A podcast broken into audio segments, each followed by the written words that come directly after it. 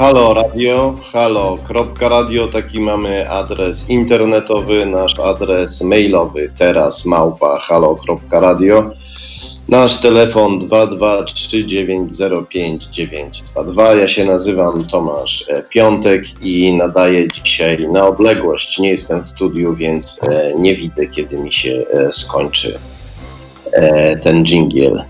E, dlatego jeśli nagle zniknę, to się e, nie przejmujcie.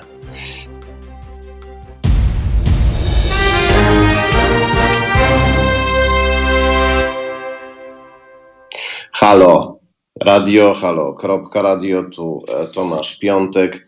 Zacznę od tego, że 13, nie, 24 minuty temu Klementyna Suchanow napisała na Twitterze, że napadli na nią narodowcy pod kościołem e, na Placu Trzech Krzyży, przewrócili ją i kopali. Potem się schronili e, do kościoła, ponieważ najwyraźniej ten budynek i jego władze udzielają faszystowskim bandytom schronienia. Dlatego wszystkich Was, którzy jesteście w Warszawie, w Śródmieściu, zachęcam, żeby pobiec na Plac Trzech Krzyży. Tam E, obywatele próbują e, powstrzymać e, faszystów, faszystów wspieranych przez policję albo policję wspieraną przez faszystów. Już sam nie wiem, bo wczoraj ja z kolei byłem też w Warszawie pod kościołem na krakowskim przedmieściu. To jest kościół Świętego Krzyża. I widziałem, jak faszysta Robert Bąkiewicz, złapał dziewczynę i zrzucił ją ze schodów, wołając do policjantów: łapcie. Policjanci ją posłusznie złapali i e, przytrzymali. To wyglądało tak, jakby się razem tą dziewczyną sobie grali w piłkę. E, to jest dosyć potworne, że polska policja wykonuje polecenia e, faszysty. E, to, były, to, był, to było potworne. Potem e, Bąkiewicz rzucił się na starszą e, panią, znacznie od niego niższą i znacznie starszą w okularach, i policja też mu w tym nie przeszkodziła. Biegał sobie bez e, maseczki, ponieważ najwyraźniej dla policji jest nietykalny i normy przeciwepidemicznego nie dotyczą. Takie rzeczy się właśnie teraz dzieją w Warszawie. Jeśli zapytacie dlaczego ja nie jestem w tej chwili na placu Trzech Krzyży? No e, nie tylko dlatego, że e, mam teraz audycję w Halo Radio, ale także dlatego, także z tego powodu, dla którego nadaję online, nadaję na odległość. Dzisiaj nie jestem w studiu. Prowadzę śledztwo w sprawie finansowania tych osób, które e, doprowadziły do przepchnięcia e, niemal całkowitego zakazu aborcji w Polsce. I e, sprawdzam adresy firm. Oni często zmieniają adresy swoich firm. Sprawdzam adresy firm, żeby ustalić, czy tam na pewno w tym miejscu jest firma, czy tam jest może coś innego no i dzisiaj pojechałem e, w takie e, miejsce na bardzo odległej peryferii Warszawy. Znalazłem się pod budynkiem, w którym była zarejestrowana ta firma. Było to dość łatwe, bo tam wprawdzie było ogrodzenie, ale furtka była otwarta. Przeszedłem przez tą furtkę. No i ktoś musiał mnie e, zobaczyć. Wyleciało trzech ochroniarzy. I skopali mnie tak, że nie bardzo w tej chwili jestem w stanie chodzić. E, znaczy jestem w stanie chodzić, ale kuśtykam i gdybym miał e, dowlec się do radia, to musiałbym iść na piechotę, a to byłoby trudne w tym stanie. No powiedzmy sobie tam 500 metrów przejdę, ale, e, ale boli mnie i dalej nie wiem, czy dałbym radę. A jestem trochę dalej od radia. Mm, nie mogę skorzystać za bardzo ze środków komunikacji miejskiej, bo miasto jest zablokowane, ale to, że jest zablokowane, to mnie akurat cieszy. Cieszy mnie, że pokazaliśmy wreszcie e, tym e, ścierwojadom, żeby powiedzieć delikatnie, którzy nami rządzą i tym jeszcze gorszym ścierwojadom, którzy manipulują ścierwojadami, którzy nami rządzą. Cieszę się, że pokazaliśmy im e, wszystkim, a przede wszystkim, że kobiety pokazały im, e, że nie dadzą sobie e, deptać po brzuchach. że nie pozwolą sobie deptać po brzuchach jeszcze bardziej niż dotąd i żądają, żeby w ogóle przestano im deptać po brzuchach. Zaraz do tego wszystkiego, co się dzieje, jeszcze wrócimy, ale może na e, ochłodzenie albo na rozgrzanie emocji nasz mistrz konsolety wrzuci nam jakiś kawałek, który zapowie, bo ja nie mam teraz dostępu do playlisty. A ja zrobię niespodziankę. Słuchajcie powtórki programu.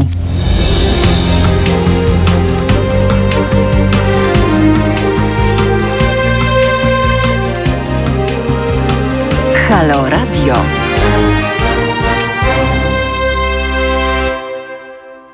Halo radio, halo, kropka radio, nasz e-mail teraz małpa halo, kropka radio, gdybyście chcieli do nas napisać. Pozdrawiam komentatorów dzisiaj facebookowych. Michała Trojańczyka, Kamila Walczaka, Danutę e, Bak, Jana Kalasa. E, kochani, e, opowiadałem właśnie przed chwilą, jak to pod budynkiem, gdzie jest zarejestrowana firma osoby aktywnie promującej zakaz aborcji, gdzie poszedłem sprawdzić, czy ta firma tam rzeczywiście jest jak to pod budynkiem tej firmy e, pobili mnie ochroniarze. Ale nie narzekam, nie, nie chwalę się ani nie żalę, tylko raczej dzielę się z wami e, humorystycznym przeżyciem, bo jeden z nich mnie rozpoznał zaraz potem. I e, zaczął mówić: Ja pana książkę o Macierewiczu czytałem, i e, potem e, podawali mi ręce i tak dalej, i tak dalej. No ale faktem jest, że chyba ktoś im kazał mnie skopać i mnie skopali, dlatego nie jestem dzisiaj w studiu.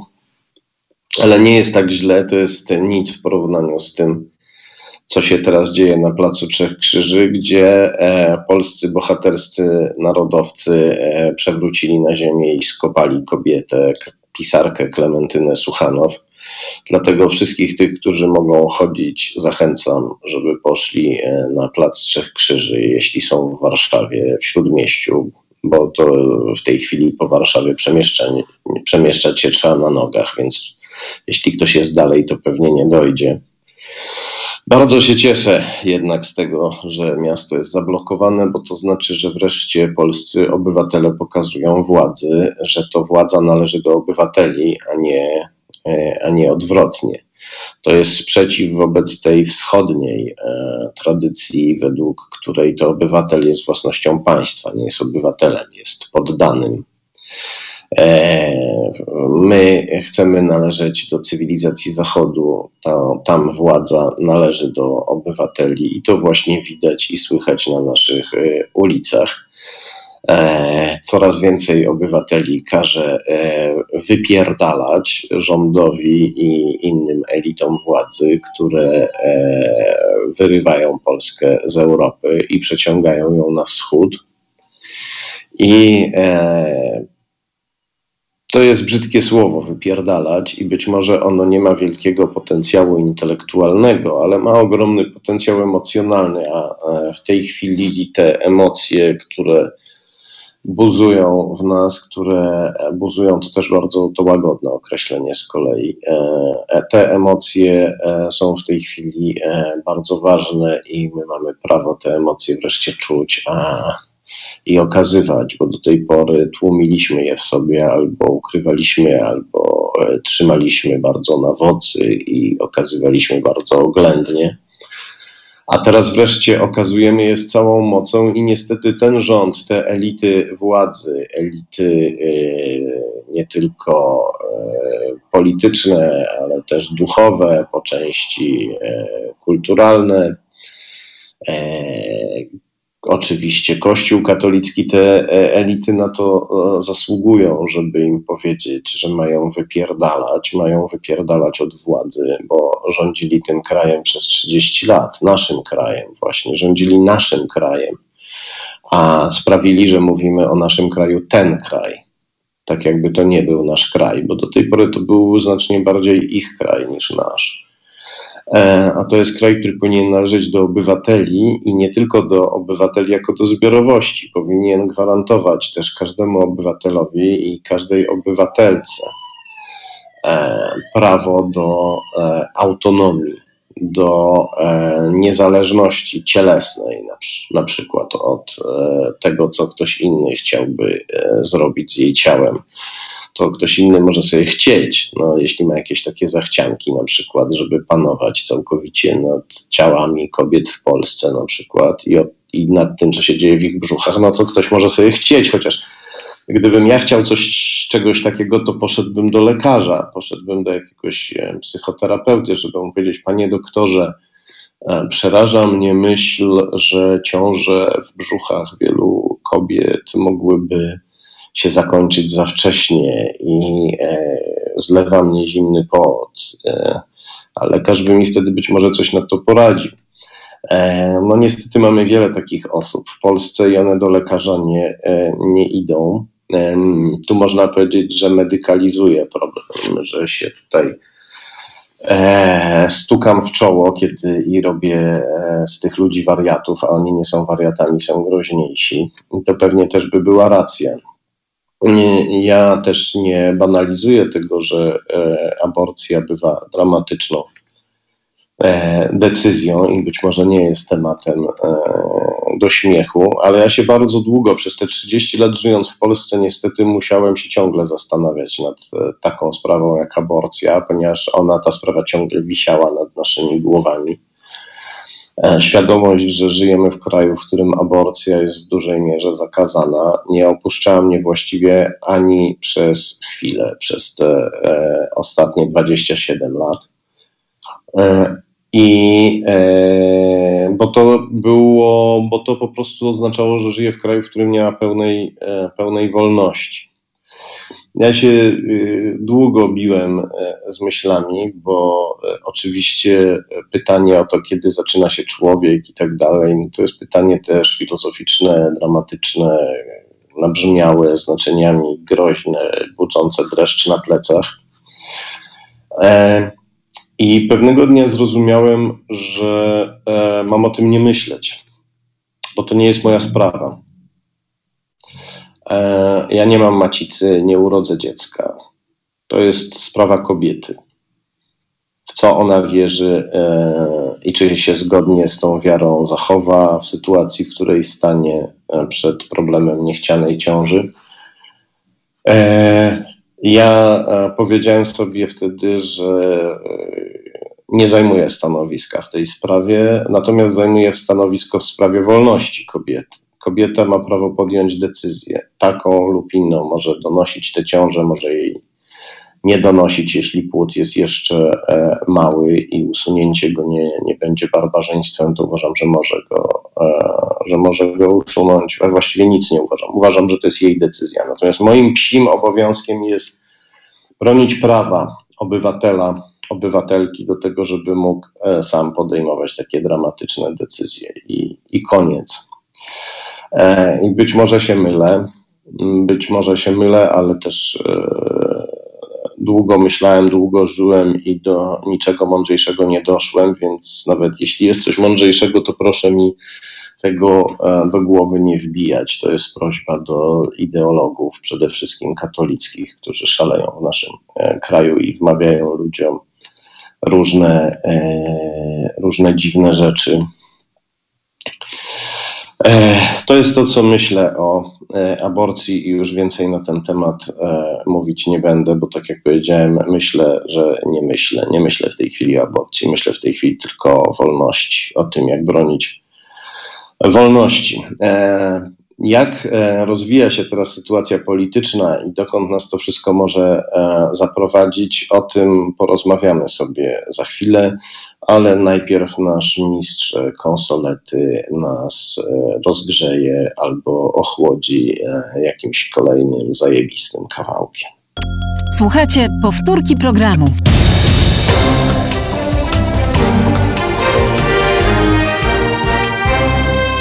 Halo Radio.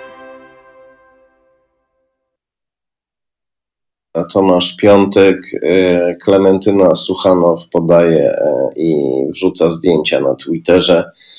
E, pisarkę Klementynę Suchanow 45 minut temu pobili, przewrócili i skopali narodowcy na Placu Trzech Krzyży. Przewodzi im faszystowski bandyta z Pruszkowa Robert Bąkiewicz.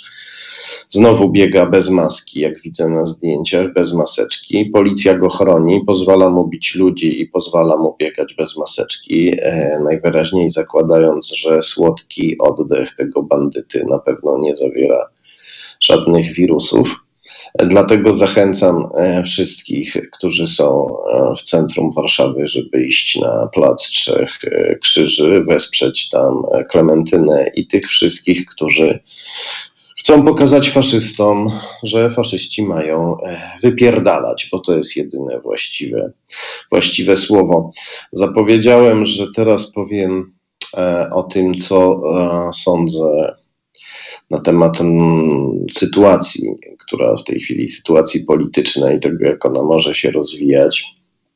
Ja sobie dokładnie sprawdziłem, kim są e, posłowie, którzy podpisali wniosek, który trafił do Trybunału Konstytucyjnego i który sprawił, że zakaz aborcji w Polsce stał się niemal całkowity. To są e, ludzie, którzy byli, jest tam wielu ludzi, którzy byli pokłóceni mocno z Jarosławem Kaczyńskim o, e, o to, o ustawę e, dotyczącą zwierząt, ochrony zwierząt. To byli ludzie, którzy nie chcieli, żeby zwierzęta były chronione. To są ludzie, którzy nie chcą, żeby zwierzęta były chronione. Zwierzęta, które jak wiadomo chodzą, patrzą, czują, jakoś też myślą, natomiast to są ludzie, którzy użalają się e, nad e, małą grudką komórek e, i przypisują jej ludzkie prawa, ponieważ ta komórka posiada ludzkie DNA. Kaczyński, który jest człowiekiem cwanym i który doskonale wie, że zakaz aborcji nie ma sensu, mm, był na, na nich wkurzony. E, podobno jest w tej chwili jeszcze bardziej wkurzony, jeszcze bardziej niż po, po, po, po, ich e, sprzeciwie wobec ustawy o ochronie zwierząt, ponieważ e, wniosek, który trafił do Trybunału Konstytucyjnego i spowodował niemal całkowity zakaz aborcji, doprowadził właściwie do rewolucji, no bo tak trzeba nazwać to, co się zaczęło na naszych ulicach. E, to jest dla Kaczyńskiego potężny problem. Nie dziwię się, że jest wściekły lub że był wściekły przez chwilę, a jednak Kaczyński zamierza głównego inicjatora tego wniosku, głównego pomysłodawcę posła Wróblewskiego uczynić rzecznikiem praw obywatelskich.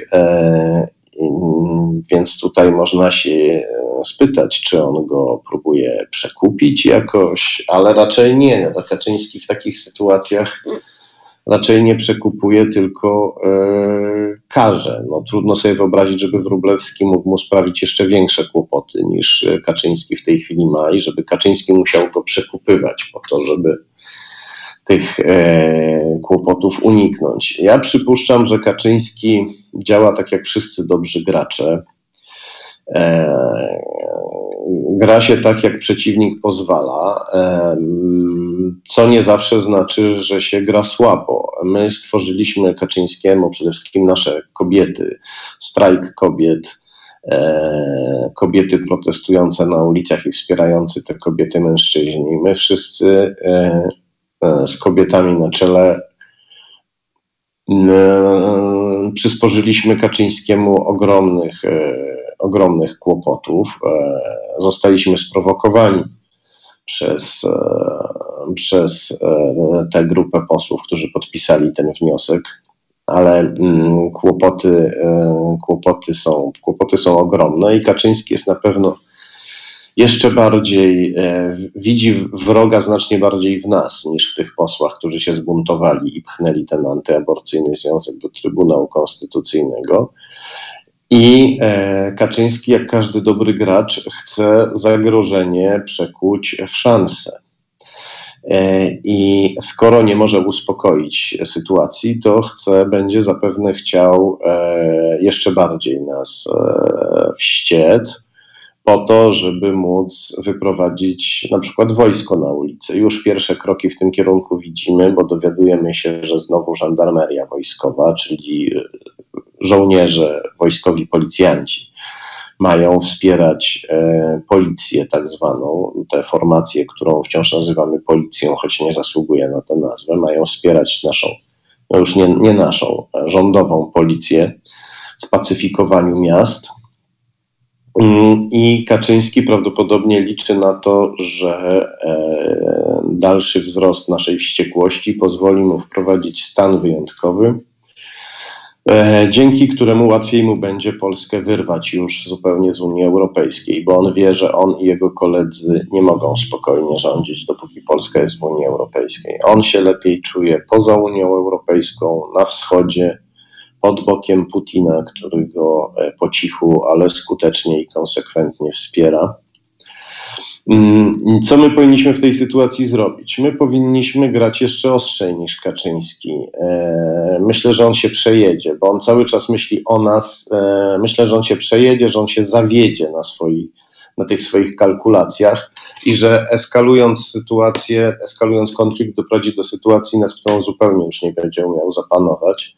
On zawsze lubił grać ostro i to go e, nieraz właśnie, nieraz z tego powodu przegrywał a uruchomiły się siły e, społeczne i duchowe, których istnienia nawet ten cwany człowiek nie przewidywał. Więc niech Kaczyński eskaluje. E, za, za, każdym razem, jak będzie chciał nam przykopać, mam nadzieję taką, e, otrzyma odpowiedź adekwatną.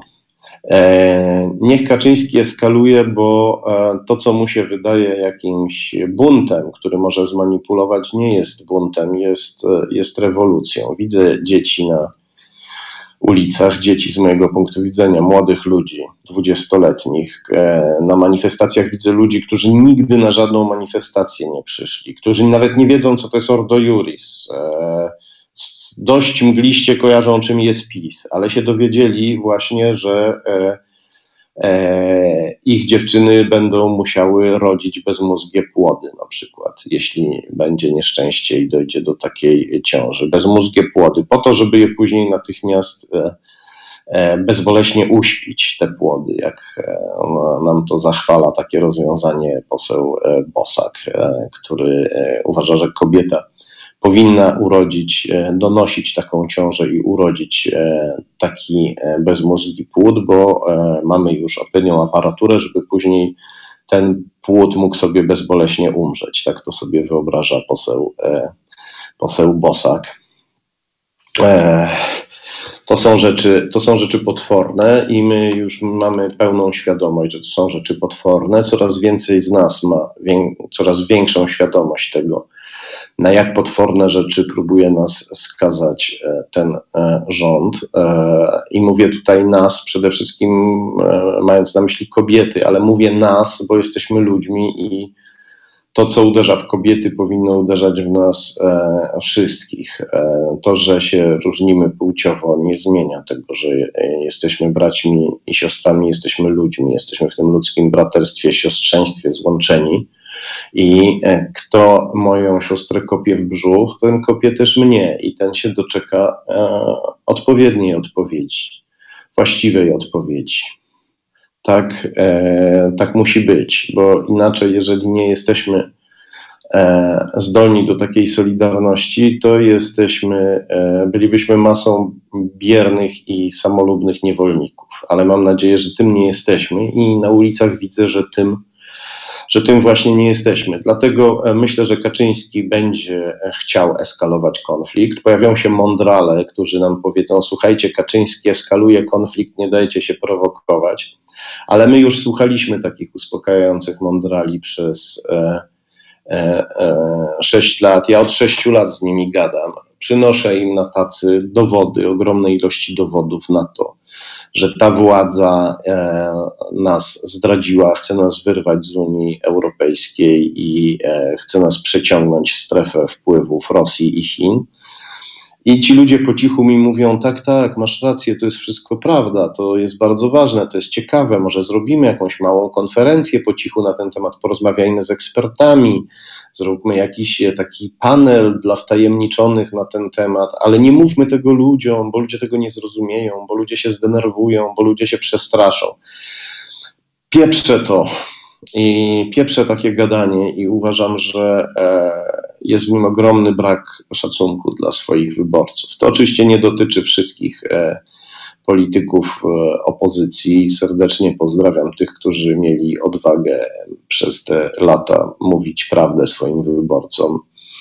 Zarówno mówię tu o politykach zarówno z lewicy, jak i z koalicji obywatelskiej, bo prawdy nie bał się e, mówić swoim wyborcom umiarkowany konserwatysta Siemoniak, ale też prawdy e, nie bała się mówić swoim wyborcom. Marcelina Zawisza z razem, umiarkowana centrystko-konserwatystka Joanna Kluzik-Rostkowska, ale nie bała się też prawdy mówić Hanna Gil-Piątek, nie, bała, nie bał się prawdy mówić Maciej e, Gdula, e,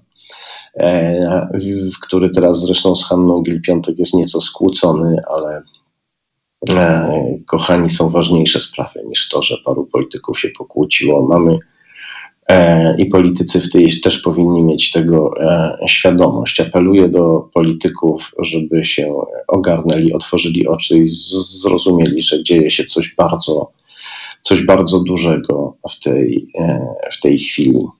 E, dlatego, kiedy, e, jeżeli jeszcze znowu się pojawią politycy, którzy będą nas uspokajać i będą nam mówić na przykład, że wypierdalać to jest brzydkie słowo, to zachęcam Was, żeby ich twierdzenia, tak to umiarkowanie teraz ich grzecznie nazwę, brać w nawias albo w cudzysłów.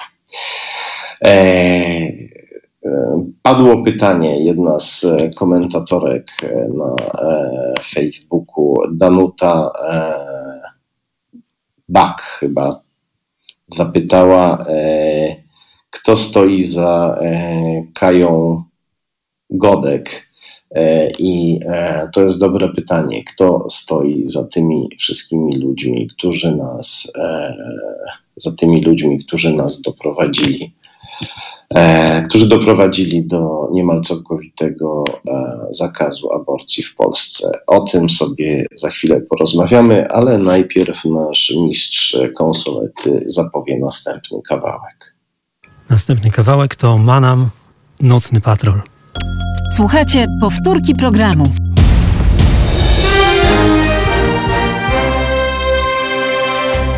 Halo Radio. Gadamy i trochę gramy.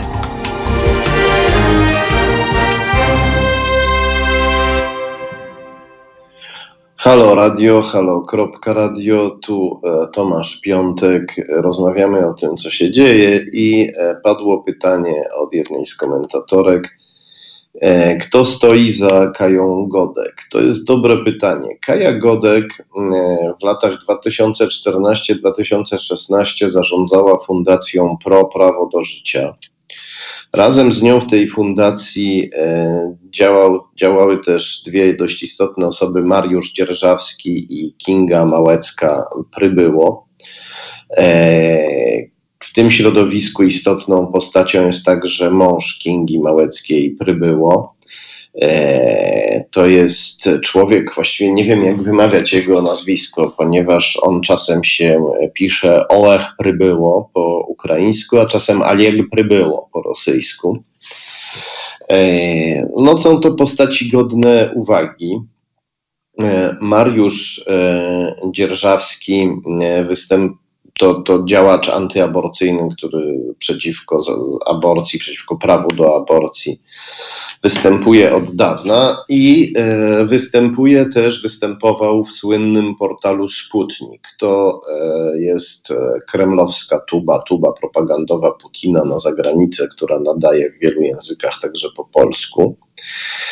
E, mm, co tam e, Dzierżawski w Sputniku robił? Dzierżawski e, w, rozmawiał ze Sputnikiem już, e, e rozmawiał ze Sputnikiem w 2018 roku.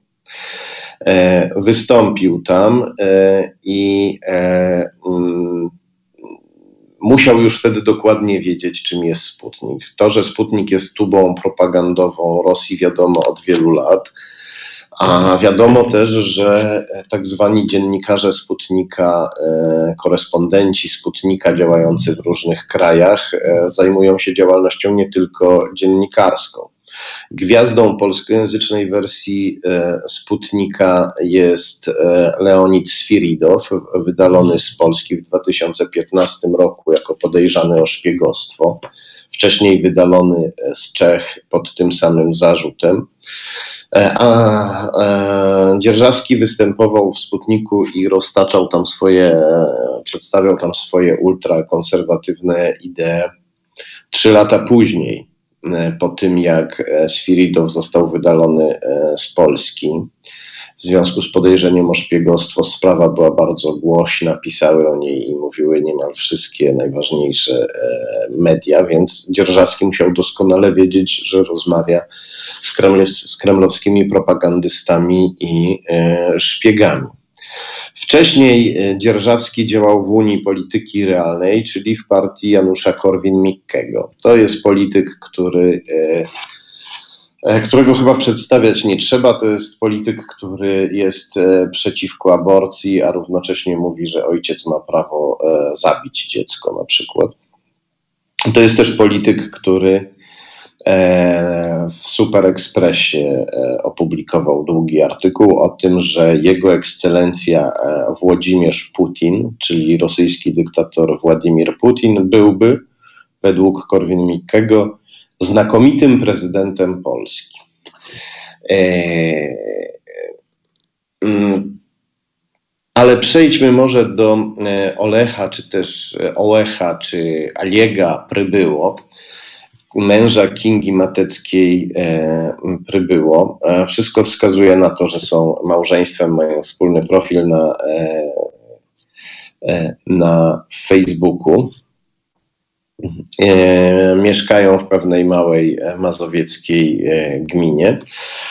Olech Prybyło, czy Aliek Prybyło prowadzi firmę Hybrid Solutions Olech Prybyło, która zajmuje się rozwojem menedżerów i handlowców oraz usprawnieniem sprzedaży zgodnie z teorią ograniczeń, która ma przeobrazić każdą, ta teoria według pana Prybyło, jego teoria może przeobrazić każdą e, firmę w wiecznie kwitnącą spółkę, on to tak określa.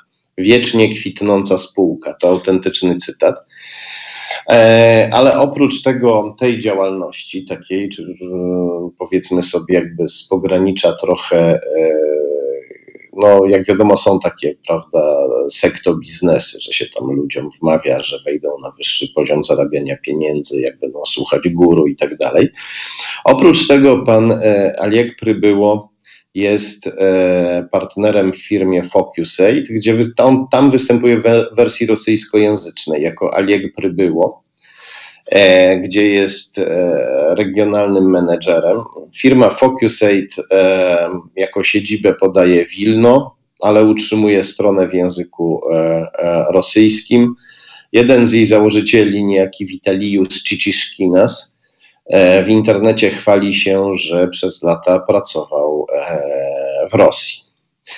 E, pan Prybyło jest też menedżerem odpowiedzialnym za e, kraje postsowieckie, za Rosję i e, Białoruś, na przykład w sklepie internetowym Pepileti. No i to jest człowiek, który tutaj stoi za Fundacją Pro Prawo do Życia, czy też u boku tej fundacji i pomaga jej rozsiewać antyaborcyjną propagandę fundacji, e, która, jest, która była przez dwa lata zarządzana również przez Kaję e, Godek. Fundacja Pro Prawo do Życia jest intensywnie wspierana przez słynną organizację Ordo Juris. E, organizację, która się przedstawia jako organizacja prawnicza, jako organizacja prawników, którzy przygotowują prawne uzasadnienia dla tych nieludzkich ustaw i wyroków, które odbierają polskim kobietom prawo do ich brzucha, do ich macicy, do ich życia, do ich e, wolności. Klementyna Suchanow, która została właśnie pobita przez faszystowskich bandytów na Placu Trzech Krzyży godzinę temu. Klementyna Suchanow wydała znakomitą książkę To jest wojna. Taki jest tytuł tej książki i takie jest hasło protestów. E, protestów, które coraz, nabierają coraz bardziej rewolucyjnego charakteru i które e, paraliżują w tej chwili zarówno duże, jak i mniejsze polskie miasta. Klementyna Suchanow e, zbadała, skąd się wzięło Ordo Juris. Ordo Juris to polska odnoga globalnej sekty wywodzącej się z Brazylii. Sekta nazywa się TFP. To skrót od brazylijskiej e, pełnej nazwy Tradição Familia Propriedade, co się e, z portugalskiego na polski tłumaczyłoby jako tradycja, rodzina, własność.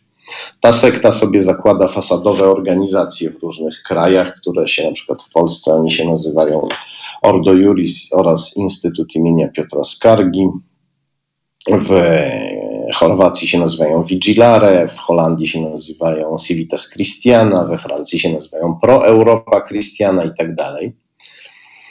I to jest organizacja, która jawnie się, no może nie zupełnie jawnie, ale swoich takich materiałach zewnętrznych, przeznaczonych bardziej dla członków, w swoich materiałach szkoleniowych, mówi o tym, e, że chce cofnąć Europę do średniowiecza, a na pewno chce wymazać skutki rewolucji francuskiej. Tej samej, która ponad 200 lat temu obaliła feudalizm i rozpoczęła nowoczesny republikanizm, rozpoczęła demokrację, rozpoczęła nowoczesną demokrację nowoczesną zachodnią demokrację. To jest to, z czym oni walczą i mają sojuszników na e, Kremlu. Już co najmniej najwcześniej, już e, najpóźniej, najpóźniej w latach 90. zaczęli współpracować. E, organizacja TFP zaczęła współpracować z Rosjanami. Wspiera ich finansowo i organizacyjnie wielki rosyjski oligarcha, wcześniej kremlowski dygnitarz Władimir Jakunin, bliski przyjaciel Putina, były e, kagiebista, czyli funkcjonariusz sowieckich służb specjalnych. Ideologicznie wspiera ich e, rosyjski ideolog i e, działacz Aleksiej Komow, który jeździ po świecie i przywozi e, hasła takie właśnie jak walka z aborcją, antykoncepcją, rozwodami, LGBT. Dla każdego kraju jest trochę inny zestaw haseł, zależnie od sytuacji, jaka panuje w danym kraju. E, Klementyna Suchanow pojechała do Rosji i zdołała nawet porozmawiać z Aleksiejem e, Komowem, synem. Okazało się, że Komow jest synem rosyjskiego, tak to nazwijmy, sowieckiego, sowieckiego, tak to nazwijmy, dyplomaty.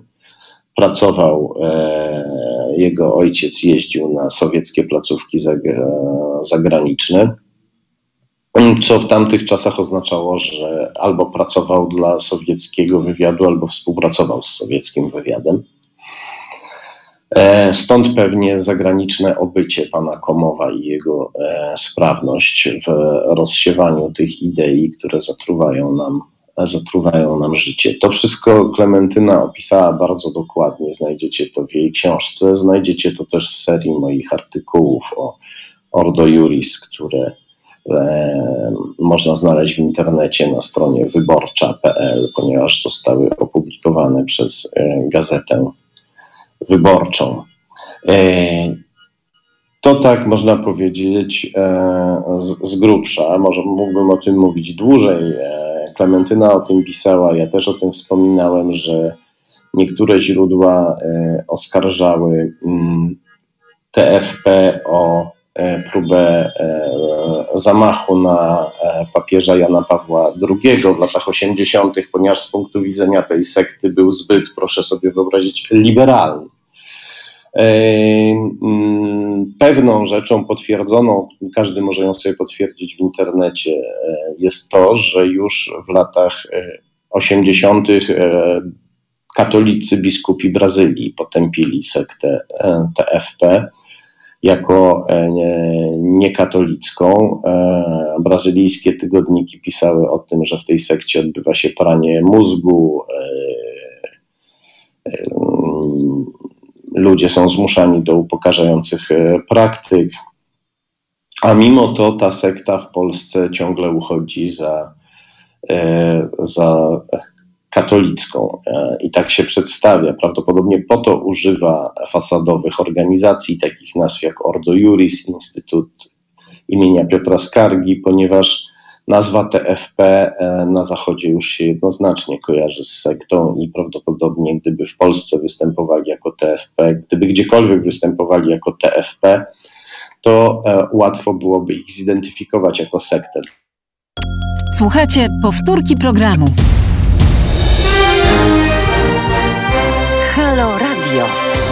Pierwsze radio z wizją.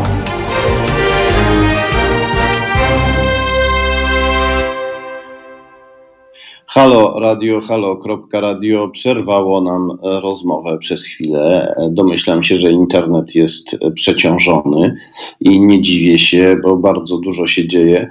Mówiłem e, o tym, że o powiązaniach e, organizacji antyaborcyjnych z Rosją, która jest krajem, gdzie się bardzo dużo aborcji dokonuje, bo nawet Putin nie ośmielił się tego zakazać rosyjskim kobietom, które e, prześladuje i gnoi i pozwala bić rosyjskim mężczyznom, ale nawet on się na to e, nie odważył, żeby im tego zakazać. Mimo to chętnie e, sponsoruje i wspiera organizacje antyaborcyjne za granicą, wspiera też narodowców, takich, właśnie narodowcy to dla nich za ładna nazwa, faszystów takich jak Robert Bąkiewicz, którego chłopcy godzinę temu pobili pisarkę Klementynę Suchanów na Placu Trzech Krzyży. I to jest być może trochę odpowiedź na to, skąd się bierze ta nienawiść e, do nas. Nienawiść, którą czują do nas ci ludzie, ci ludzie, którzy chcą zabijać homoseksualistów i deptać po brzuchach naszym e, kobietom, e, deptać po brzuchach polskim e, kobietom. E, tak sobie myślę, jak bardzo my kochamy Polskę, skoro od 30 lat wytrzymujemy to, jak e, Polska wygląda e, pod rządami e, mniej lub bardziej, ale zawsze klerykalnych rządów, które albo są antyzachodnie, albo są prozachodnie w sposób bardzo ostrożny i bardzo ostrożnie wprowadzają zachodnie standardy, tak ostrożnie, że czasem tych standardów w ogóle nie widać. E, my zaciskamy zęby i wytrzymujemy w tym kraju i walczymy e, o to, żeby był lepszy i staramy się go poprawiać. Natomiast tamci, chociaż mają gębę pełną miłości do Polski, to Polski nienawidzą. Nienawidzą jej połowy albo trzech czwartych, nienawidzą większości tego kraju, bo większość tego kraju, tego narodu nie podoba się narodowcom. Oni chcieliby żyć w jakimś innym, słowiańsko-średniowieczno, e, watykańsko-moskiewskim e, raju, jak z gry komputerowej fantazy. E, oczywiście raj tutaj należy brać w cudzysłów, bo ten raj bardziej przypomina piekło. Na szczęście jest zupełnie fikcyjny. To jest coś, czego się nie da wprowadzić w życie, ale oni coś takiego w życie chcą wprowadzić i dlatego gotowi są pozbawić e, życia nas. To są ludzie, którzy się całkowicie oderwali od życia swojego kraju i być może też dlatego tak łatwo przychodzi im zdrada, tak łatwo tak chętnie współpracują z e, wrogą tyranią. Tyranią e, kremlowską, która jest wroga Polsce, wroga Zachodowi, samym Rosjanom też jest wroga, bo Rosjan, bo Rosjan depcze. Natomiast bardzo dobrze, bardzo sprawnie ta tyrania właśnie tworzy takie miraże, wizje świata e, średniowieczno, niby rycerskiego, gdzie się depcze wrogów radośnie. Świata dla dojrzewających, ale w ciągle niedojrzałych chłopców. E, halo? Tak? Halo, halo? Halo, jestem, jestem. Jesteś, jest z nami Adriana Rozwadowska. No właśnie, bo były trudności z połączeniem się. Zapowiadałem, że porozmawiamy dzisiaj z Adrianą Rozwadowską o prawie pracy, ale w związku z tym, co się dzieje, to chciałem też z Tobą porozmawiać o patriarchacie e, w miejscu pracy i nie tylko. Chciałem Cię e, e, zapytać o to, e, jak w świetle Twojego doświadczenia, bo Adriana Rozwadowska jest znakomitą dziennikarką Gazety Wyborczej, dziennikarką zajmującą się kwestiami ekonomicznymi i społecznymi. Chciałem Cię zapytać, jakie są najbardziej dotkliwe sposoby, w jakie e, patriarchat obciąża naszą gospodarkę, nasze codzienne życie, bo my w tej chwili widzimy jakby bardzo wyraziste i dotkliwe e, sposoby w postaci e, antyaborcyjnych ustaw i wyroków, ale są też inne dolegliwości życia ci- codziennego. Chciałem Cię zapytać o to, jakim twoim, jakie w świetle Twojego doświadczenia są największe szkody, jakie ten średniowieczny, tradycyjny polski patriarchat nam wyrządza. Znaczy, y, szkody dotykają praktycznie każdej dziedziny życia, od rodziny, gdzie e, jeżeli rodzina właśnie jest taka typowo patriarchalna, cierpi na tym dziecko, które e, nie ma takiego bliskiego kontaktu z ojcem, po gospodarkę, e, w której kobiety są bardzo potrzebne. Natomiast e, rozumiem, że pytasz mnie trochę o moje własne doświadczenia, tak? E, Z... Doświadczenia i pracownicy, ale też dziennikarki, która pisała o sytuacji pracowników i bardzo dużo widziała. E, Więc moje osobiste, znaczy jeżeli miałabym e, wypowiedzieć się jako dziennikarka e, pracująca w dziale gospodarczym, to jest to faktycznie bardzo interesujące miejsce, żeby obserwować, jak to nastawienie działa. Ja nie jestem ekonomistką z zawodu, ale pracuję w dziale gospodarczym. Nie piszę też tekstów o, o wielkich teoriach gospodarczych, ale o pracownicach, praco- pracownikach, o ich codziennych problemach. To są takie teksty bardziej reportażowe. A mimo to ustawicznie od pierwszego mojego roku pracy e, jestem tropiona na okoliczność wykształcenia i z powodu tego, że nie jestem ekonomistką, e, odmawia mi się praktycznie e, prawa do wypowiadania się na jakiekolwiek tematy graniczące z ekonomią. I nie dalej jak Kilka tygodni temu ekonomista, były wiceprezes NBP Andrzej Bratkowski określił mnie mianem młodzieży, bo w przypadku kobiet w gospodarce bardzo często e, wskazuje się na ich wiek, który jest e, zazwyczaj niedostatecznie e, zaawansowany, a potem już jest zbyt zaawansowany. Takich sytuacji jest, jest masa. Są też przykłady zupełnie skrajne. Ja pisałam o tym kiedyś na Facebooku. E, Teraz opowiem to drugi raz. Y, Prowadziłam ze trzy lata temu mm, duży panel, y, taki naukowy. E, Przysłuchiwało się temu 200 osób. I w życiu bym nie pomyślała, że seksizm czy molestowanie e, może mnie spotkać w miejscu, na scenie, e, w momencie, kiedy e, na sali znajduje się kilkaset osób właśnie. E, I mm, była to sytuacja, w której, kiedy już zakończyliśmy i wszyscy zaczęli wstawać i się nawzajem żegnać, podawać sobie ręce, podszedł do mnie jeden z przedstawicieli organizacji pracodawców i po prostu chwycił mnie za pierś. Ścisnął, skłonił się i sobie poszedł. E, ja tą sytuację, to było ze dw- dwa, trzy lata temu, trudno mi w tej chwili sprecyzować. E, opisałam potem na Facebooku, organizatorzy zidentyfikowali, że to chodzi o ten panel, bo on był dość e, charakterystyczny. Przepraszali mnie strasznie, przy czym ja ich absolutnie nie winię, bo kto mógłby się spodziewać, że na scenie podczas takiego eventu dojdzie do takiej sytuacji. No i mogłabym te- tego typu sytuacje mnożyć. Także e, z perspektywy mężczyzny, to opowiadanie o patriarchacie czy molestowaniu seksualnym gdzieś tam w przestrzeni publicznej może się wydawać absurdalne, bo tak czysto idąc ulicą, czy siedząc przy biurku w pracy, my absolutnie nie zauważamy, ponieważ e, nawet w tej sytuacji tych kilkuset osób nikt tego nie zauważył, ponieważ to się zadziało w jakimś tam ogólnym zamieszaniu podczas żegnania się. I e, to są rzeczy, o których wiedzą tylko kobiety, a kiedy o tym mówią, bardzo często spotyka je krytyka, bo kiedy ja o tym napisałam na Facebooku, oczywiście przeczytałam wiele komentarzy o tym, że pragnę zaistnieć i być sławna. Nie wiem, co to za sława, ale, no ale, ale, ale takie były reakcje. To jest, e, to jest szokujące, co powiedziałaś. Ja dodam tylko, że nie będąc ekonomistą, wiele razy pisałem o ekonomii i dowiadywałem się, że jestem e, nienormalnym e, lewakiem, peronistą nawet, w sensie, że niby zwolennikiem argentyńskiego przywódcy Perona, który już dawno nie żyje.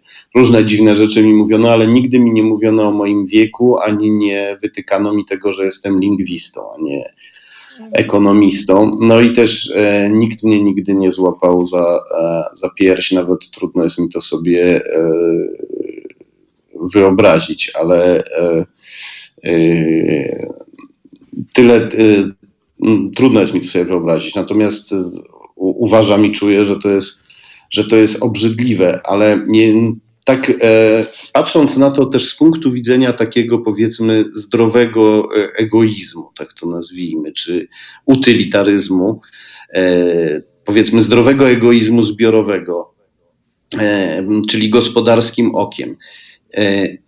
Domyślam się, że tego rodzaju zachowania niezwykle blokują kobiety i ich potencjał, co jest ze szkodą dla nas e, wszystkich. Bo e, ja bym chciał, e, gdybym traktował społeczeństwo jak moje gospodarstwo, to nie jest moje gospodarstwo, ale wyobraźmy sobie, gdybym traktował społeczeństwo jak moje gospodarstwo, to chciałbym, żeby w tym gospodarstwie wszystko jak najbardziej kwitło, a nie żeby mi jakiś chwast, prawda, e, e, przyduszał kwiat. Prawda? Chociaż kwiat to też może seksistowska metafora. No to powiedzmy, e, chciałbym, żeby mi wszystko dobrze rosło, już nie wdając się w takie metafory. I ja nie rozumiem, dlaczego tak trudno jest to ludziom, często mężczyznom, zrozumieć. Czy, czy za tym stoi przeświadczenie, że jednak kobiecy, jakoby kobiecy potencjał nie był wart tego, żeby dać mu się rozwijać, albo strach, że ten kobiecy potencjał będzie tak duży, że zadusi męski potencjał, mój potencjał mężczyzny. Nie wiem skąd się bierze ten, skąd się, e, skąd się bierze ta ślepota, ale mm, tak sobie myślę, że może zastanawiam się, czy ty może masz tutaj jakieś odpowiedzi na podstawie swoich doświadczeń. Skąd bierze się ślepota mężczyzn na, na tą sytuację, tak? Skąd bierze się ślepota mężczyzn na to, że gdyby przestali dusić takimi zachowaniami y, kobiecy potencjał, to wszyscy by na tym skorzystali, włącznie z samymi mężczyznami? Znaczy, ja nie jestem pewna, czy przeciętny y, polski mężczyzna y, marzy o zmianie tej sytuacji, bo ym, wydaje mi się, że niestety jest coś takiego, że jeżeli e, w e, okolicy, w naszym otoczeniu jest, jest ktoś gorszy, to my, nawet jeżeli nic nie zrobimy, będziemy lepsi. Znaczy, jeżeli ten ktoś go, jest gorszy ze względu na swoje cechy, e, jakieś wrodzone przymioty. I to chyba trochę na tej zasadzie działa, że mm, no, właściwie co dałoby mężczyźnie e, e, wpuszczanie jakby kobiet szerzej do swojego miejsca pracy? No, no właściwie jest to konkurencja, także nie widzę tutaj e, interesu mężczyzn. E, Widzę za to, dla mnie bardzo ważne jest to, dużo o tym mówię, ponieważ mam wrażenie, że, że właśnie bardzo ciężko jest mężczyznom, którzy są empatyczni i fajni, którzy mogliby to zrozumieć, właśnie takie zachowania, o których ja wcześniej mówiłam, e, w jakikolwiek sposób zauważyć, bo przecież nikt e, nie zauważa, kiedy ja na przykład idę do sklepu i jakiś pan za mną w kolejce rzuca wobec mnie jakiś seksistowski komentarz. To się zdarza na co dzień. E, I o tym można opowiadać, ale dla mężczyzn to pozostaje w sferze wyobrażeń. Mam też wrażenie po tych to rozmowach, ciekawe, zwłaszcza. bo y, jesteśmy podobno krajem konserwatywnych y, dżentelmenów, a konserwatywny dżentelmen w takiej sytuacji lał w mordę Hama, który sobie pozwalał na takie zachowania wobec kobiety. Mm, No tak, ale to chyba trzeba mocno zaempatyzować e, z taką sytuacją. E, Natomiast mężczyźni, przynajmniej ci, z którymi rozmawiam, zazwyczaj je bagatelizują. To znaczy, wydaje im się, że no co, ktoś coś powiedział albo klepnął cię po czymś. Natomiast e, no, trudno jest wytłumaczyć, jak dojmujące i takie poniżające jest e, tego typu doświadczenie. E, Na mnie to wpływa bardzo. Za każdym razem, kiedy doświadczę właśnie jakiejś zaczepki słownej, czy jakiegoś fizycznego kontaktu, e, na który, którego sobie nie życzyłam, czy właśnie jakiegoś komentarza kogoś w pracy, kto zwracając uwagę na moją płeć chce jakby obniżyć moje kompetencje i zasługi, ja to przeżywam przez wiele kolejnych dni i jest to poczucie jakiegoś wewnętrznego, takiego po prostu absolutnego rozedrgania, takiego. Um, trudno opisać to słowami, to znaczy y, czuję się wtedy faktycznie gorsza, jakaś brudna, opluta mm. i fakty, faktycznie działa to tak, że potem boję się pewnych rzeczy tknąć. Jeżeli ktoś właśnie po chamsku e, skomentuje, e, nie wiem, mój tekst na jakiś temat, to potem podchodzę do tego tematu trzy razy ostrożniej, trzy razy bardziej sprawdzam. Nie wydaje mi się, żeby to było normalne. Mm. Jest też taki fenomen, dla mnie mega interesujący. Zawsze jak chodzę do radia, I zazwyczaj w debacie oprócz mnie biorą udział mężczyźni, bo kobiet jest mniej, więc ja jestem tą jedną.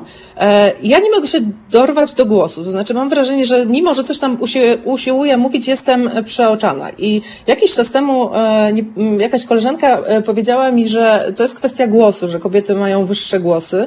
I ja zaczęłam głos celowo obniżać maksymalnie. I wiesz, że to działa? Znaczy, tak, obniż... tak, to działa. obniżę głos i wszyscy ja zaczynają na mnie patrzeć. Wiesz, e, e, chodzimy z żoną teraz na manifestację i ona zachrypła. I odkąd ona zachrypła, to e, stała się dla mnie jeszcze bardziej fascynująca i godna słuchania niż dotąd. Chociaż wydawało mi się wcześniej, że już bardziej być nie może. No, no niestety. Nie, nie, nie tak wiem, czy mam jej życzyć. Serio mówiąc zdrowego gardła, zupełnie, czy nie w takiej e, sytuacji? Znaczy bardziej się wsłuchuję w, te, w taki głos niski i to jest jakaś reakcja y, fizjologiczna chyba. Mm -hmm. Albo bardzo znaczy... głęboko wytresowa, wytresowany tak zostałem. No właśnie, od, od, odtresowanie tego myślę, że zajmie nam jeszcze wiele, wiele e, lat niestety. Mm. Znaczy wiesz, ja teraz od, od razu w mojej głowie się narodziła wizja cudownego świata, w którym wszystkie kobiety mówią takimi niskimi głosami, ale to być może jest bardzo męskocentryczne, prawda? Niech kobiety rozwiążą ten problem i wszystkie wykonają to ćwiczenie ze, głosowe, tak? Żeby mi, było łatwiej ich słuchać.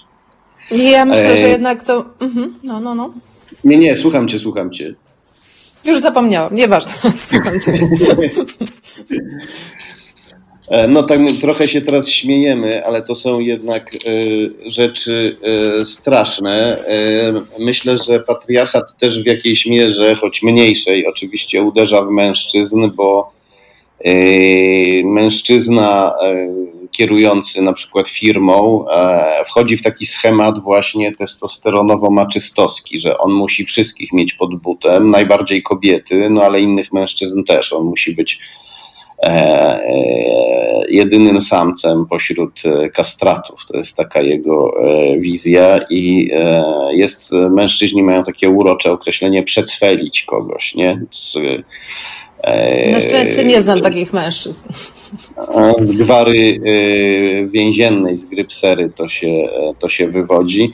Tak, nasz, myślę, że w Dawniej się to słyszało częściej, no ale to była taka metafora, że trzeba kogoś zgwałcić i zrobić z niego e, wymuszonego homoseksualistę, czyli prawie jak kobietę, po to, żeby nim zapanować. E, e, prawicowi publicyści się posługują z rozkoszą tym określeniem. Wszyscy pracownicy Agory zostali przedsweleni przez Michnika i tak dalej. Można tam czytać takie długie ich wywody, pełne różnych fantazji na temat tego, jak to jest w Agorze i tak dalej.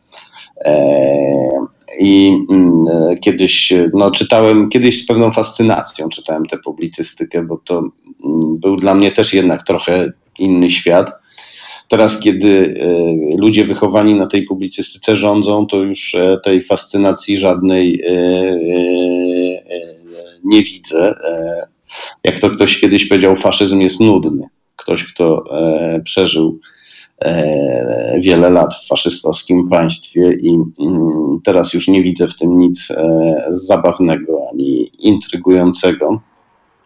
Ale e, chciałem Cię też spytać o to, jak Twoim zdaniem pandemia wpływa na takie zachowania, szczególnie, szczególnie w pracy, bo miałem możliwość zauważyć, że na przykład, e, ponieważ często teraz pracownicy do pracy nie chodzą, więc jeszcze bardziej rozmywa się czas pracy i czas wolny, i bywa, że e, pracodawcy, wykorzystując też groźbę recesji, zwolnień, e, niby mają tego pracownika w domu, ale domagają się od niego pracy przez e,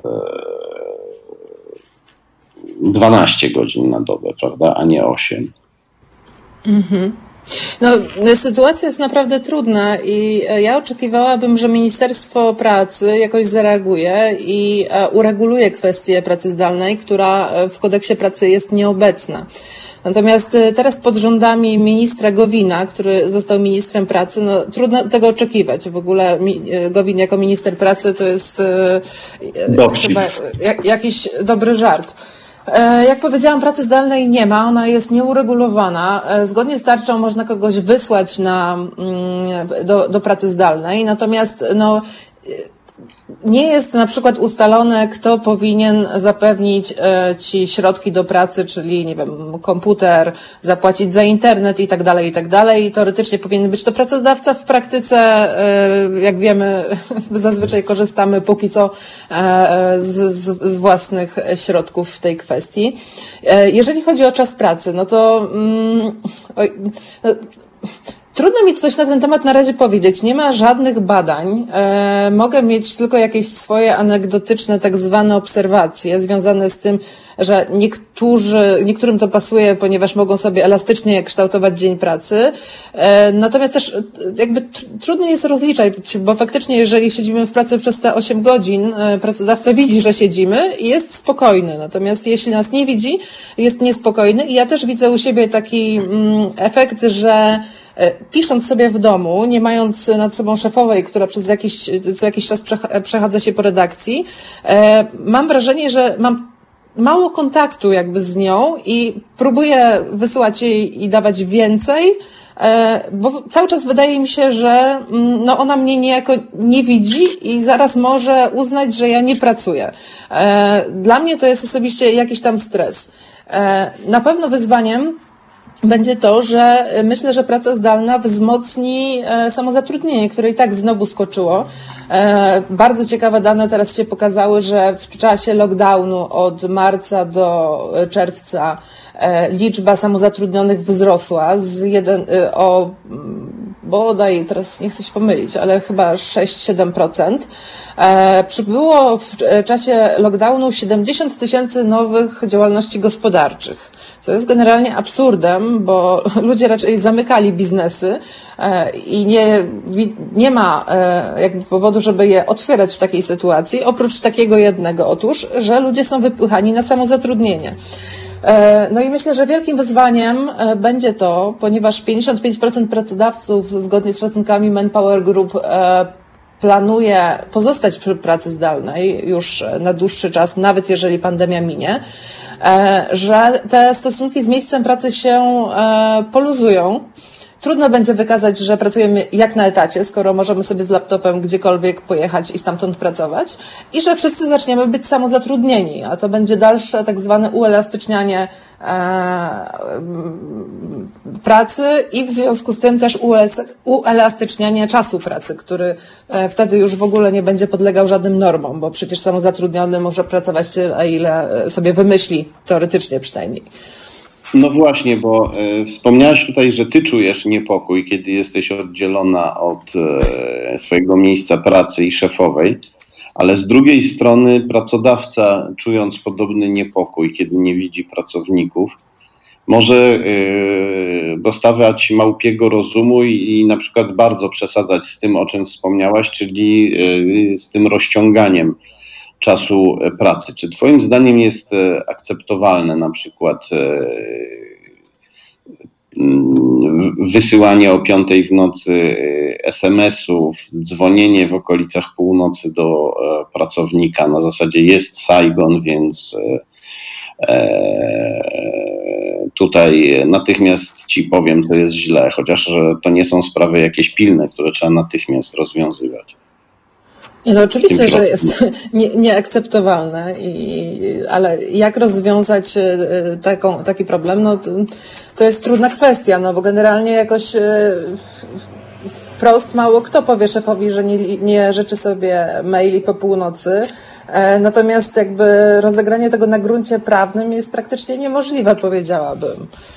W przypadku samozatrudnienia, czy również w przypadku Nie, w ogóle. W ogóle. Bo y, nikt nie będzie szedł do Państwowej Inspekcji Pracy w związku z mailami w nocy. To, to musiałaby być już naprawdę gruba sprawa. Także um, to jest e, też e, pytanie, e, problem to jest też pytanie w ogóle o rolę przedsiębiorcy i pracodawcy, bo my ciągle w Polsce tego mamy z tym ogromny problem. E, Ponieważ e, no, najpierw nas za PRL-u uczono, że to są e, krwawi kapitaliści albo łapczywi prywaciarze, godni pogardy i tak dalej. Potem nagle przyszedł kapitalizm liberalny i nagle nam ogłoszono, że przedsiębiorca i pracodawca to jest właściwie demiurg, anioł, e, twórca życia, ktoś, kto gdzie stąpnie, to rozkwitają kwiaty, a jeżeli jest e, e, dziwny, agresywny, trudny, no to na tym polega jego wielkość. Trzeba to akceptować jak kaprysy artysty. Taką romantyczną wizję przedsiębiorcy e, ciągle jeszcze wielu naszych, tak powiedzmy, no nie wszyscy liberałowie, ale tacy no najbardziej zatwardziali liberałowie to ciągle jeszcze w to wierzą. E, e, Jak ty byś widziała e, rolę pracodawcy i przedsiębiorcy w społeczeństwie między tymi dwoma ekstremami? Myślę, że potrzebujemy takiego właśnie określenia i nazwania tego. Mhm. No niestety w Polsce, gdzie tak jak wspomniałeś, jest ten, taka silna narracja o mm, roli przedsiębiorczości, są w szkołach lekcje z przedsiębiorczości, nic na nich nie ma na przykład o prawie, znaczy jest, ale jest to naprawdę malutki wycinek, o prawie pracy o związkach zawodowych i tak naprawdę to, trochę tak jak z rolą ojca w czasach, kiedy kobiety się coraz bardziej emancypują, czy rolą mężczyzny. E, Ta rola e, pracodawcy jakby jest mocno nieprzegadana. E, I właściwie nie ma alternatywnej wizji pracodawcy w Polsce, mam wrażenie. Też problem jest taki, że e, zgodnie z badaniami około 10% e, em, wszelkich e, kierowników, menadżerów, osób zarządzających e, ma skłonności psychopatyczne. No, Co, jest dość, znaczy w społeczeństwie generalnie e, osób o, o takiej osobowości jest mniej, natomiast one, ponieważ one się bardzo sprawdzają, bo, bo potrafią wyciskać ludzi, częściej właśnie trafiają na stanowiska menadżerskie. Mm, No i to niestety te- osoby mają potem wpływ na życia pracowników podwładnych i niestety nie można z tym nic zrobić. Na przykład to mnie przeraża, że o ile firma może sobie wybrać e, w rekrutacji wieloetapowej pracownika, który jest sprawdzany, przez korporacje jest sprawdzany na najróżniejsze sposoby, są te... Mm, sorry, ale według mnie idiotyczne wynalazki jak Assessment Center, e, są testy psychologiczne, e, są stres testy, które też uważam za oburzające. W drugą stronę to nie działa. Nikt nie przeprowadza testu e, dla przedsiębiorcy, czy on powinien w ogóle kiedykolwiek kierować ludźmi. W związku z czym e, jakby w tej roli często stają osoby, które w tej roli stawiać, stawać nie powinny. E, Chcesz mi No przerwać, i- słyszę chyba. Nie, bo chciałem powiedzieć, że i tutaj e, jakby romantyczny neoliberał, e, dziwnie brzmi ta zbitka, ale oni w pewien sposób są romantyczni, tylko to jest taki romantyzm oderwany często od rzeczywistości, ale romantyczny neoliberał i taki witalista, biologista, e, wyznawca siły życiowej, woli mocy i tak dalej, oni ci teraz powiedzą, że w momencie, w którym ty spróbujesz jakoś uregulować, poddać jakimś testom, czy choćby e, testowi najprostrzemu, no, próbie pokory, powiedzmy, to zadusisz wielkość tych ludzi, ich ambicje, która jest życiodajna jednak, no bo wprawia praw, gospodarkę w ruch, społeczeństwo w ruch. I, e, I tu wracamy do tego męskiego, e, patriarchalnego ego, które dąży do wielkości, chciałoby podbić e, świat, e, e, e, stanąć na karkach wszystkich mężczyzn e, i złapać e, wszystkie e, kobiety, powiedzmy, za warkocz. e, żeby to jakoś, e, znowu tutaj może trochę e, prześmiewam, e, e, bardzo poważny problem, e, ale tak to nazwijmy. E, Co z tym, e, e, co i, i, co im, i, co im, i co im odpowiedzieć? Jak, jaką im narysować wizję świata, w której jest miejsce dla ambicji indywidualnej i też dla pragnienia wzbogacenia się, a równocześnie nie ma, nie ma tolerancji dla braku pokory, elementarnej przynajmniej pokory. Mhm.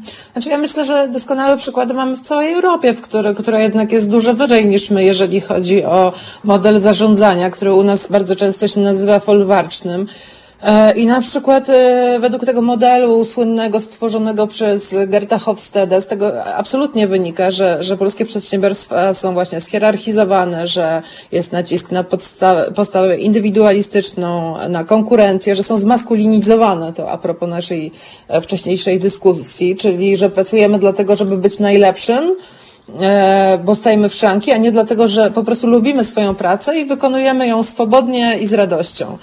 E, Z kolei na przykład doktor e, Jan Czarzasty z, z SGH-u badał e, przedsiębiorstwa w Polsce, ich było bodaj 80 i 70% z tych e, korporacji, e, w nich panował styl autokratyczny zarządzania. No i jeżeli chodzi o jakieś modele, no to możemy spojrzeć, nie wiem, na Niemcy, na Skandynawię, tylko że e, jest coś takiego dziwnego i to dotyczy też na przykład aborcji, że mm, mimo, że aborcja w tej chwili już jest dopuszczalna praktycznie w całej Europie, to jeżeli powie się polskiemu przedstawicielowi centrum o tym, to on wciąż będzie za kompromisem. Znaczy teoretycznie uważa się za Europejczyka i absolutnie popiera Unię Europejską, zasiada w Parlamencie Europejskim, ale nie łączy kropek, nie widzi różnicy między sytuacją w Polsce i tym, że Polska jest teraz, jeżeli chodzi o aborcję, taką czerwoną wyspą e, w Europie. I tak samo jest z tymi tematami pracowniczymi. Zawsze, jeżeli sięgam po przykłady dialogu społecznego, na przykład z Niemiec, em, to nawet nie, że to jest wyśmiewane czy jakoś oprotestowywane, po prostu jest przesłyszane. Tak, udaje się, że tego nie ma. No, no tak, no i, i co tu zrobić? No, ja jednak jestem e, państwowcem czy pań, państwowszczynią, trudne to akurat z, e, feminatyw, Em, I uważam, że powinny się te sprawy jednak regulować odgórnie, to znaczy narzucić przymus dialogu społecznego, czy w Radzie Dialogu Społecznego, czy w firmach. E, Wprowadzić wreszcie te nieszczęsne układy zbiorowe, ale nawet ja, jak mówię o układach zbiorowych, to trochę ziewam, to znaczy nikogo to w tym kraju nie interesuje. I, i nikt tego nie wprowadzi, bo ministrem pracy jest teraz Jarosław Gowin. Tak, człowiek, który, y, któremu zawdzięczamy to, że taksówkarze poparli e, protest kobiet w dużej mierze. Ponieważ e, to jest człowiek, który e, dopuścił cyberkorporacje quasi-pseudo-taksówkowe, odbierając taksówkarzom chleb i otwierając pole do niezwykłych, nieznanych dotąd form elastycznego, ale jadowitego wyzysku. I, e, e, i miałem kiedyś taką rozmowę w, e, w taksówce e, z taksówkarzem, który mi powiedział, że on jest e, za in vitro, odkąd się dowiedział, że Gowin jest przeciwko. No, dobry argument. No, wła- właściwie jest troszeczkę tak, ja mogłabym się pod tym podpisać, że jeżeli Gowin jest za czymś, to automatycznie, nie sprawdzając, mogę powiedzieć, że jestem przeciwko. Tak. E, Chciałem Cię zapytać o jeszcze jedną rzecz, bo rozmawialiśmy kiedyś o tym luźno, e, ale jeżeli e, nie miałaś okazji przyjrzeć się sprawie, to, to nie będziemy o tym rozmawiać. Ja jestem bardzo ciekaw tego, jak coraz intensywniejsza nasza współpraca z Chinami wpływa na obniżenie e, standardów e, i obyczajów, jeśli chodzi o prawo i praktykę pracy w Polsce, bo Chińczycy nie tylko wymuszają e, takie zaniżanie, ponieważ konkurują z naszą gospodarką, e, nie stosując prawa pracy właściwie u siebie i e, stosując, stosując wyzysk, przez co nasi przedsiębiorcy twierdzą, że muszą też stosować wyzysk, żeby nie przegrać z Chińczykami ale też próbują eksportować do naszych krajów standardy prawne. Dowiedziałem się niedawno, że Chińczycy założyli coś, co nazywają konsorcjum kryminologicznym jedwabnego szlaku. I ma to polegać na tym, że prawnicy e, z naszych zachodnich krajów mają sobie przyswajać e, chińskie standardy, jeśli chodzi o no, prawo karne na przykład, i e, płynnie, gładko wprowadzać te standardy w naszych krajach. Dowiedziałem się też niedawno, że w wielkim targowisku pod Warszawą w Wólce Kosowskiej Chińczycy zaproponowali starostwu E, bo tam chińska wspólnota jest bardzo silna, zaproponowali starostwu dotacje pod warunkiem, że miejscowa policja nie będzie współpra- e, że miejscowa policja nie będzie ingerować w chińskie sprawy, tylko zostawi je miejscowej pseudopolicji utworzonej przez Chińczyków, tak naprawdę przez funkcjonariuszy chińskiej totalitarnej służby bezpieczeństwa, więc domyślam się, że e, w takich takim miejscu prawo pracy jest e, gwałcone e, nagminnie. To też jest część przesuwania Polski na, Polski na wschód. Mhm. E, ja się na Chinach nie znam i nie lubię się wypowiadać na tematy, o których się nie znam. I tak jak. No, to początku... ja cię za to bardzo cenię, bo to rzadkie jest. Dziękuję. Natomiast ogólną wiedzę mam taką, że Chiny jednak, jeżeli chodzi o inwestycje w Polsce, znajdują się gdzieś tam w trzeciej dziesiątce, nie wiem, gdzieś koło 25 miejsca bodaj. Więc nie wydaje mi się, żeby to na razie był problem. Też nie widzę jakiegoś jasnego przełożenia chińskiego na polskie prawo pracy, bo w tej chwili jeszcze tych e, chińskiego kapitału w Polsce e, jest coraz więcej i to widać. Natomiast no, to, to jeszcze chyba nie jest ten moment i szczerze mówiąc, e, trochę wróżyłabym z fusów, jaką to drogę może obrać.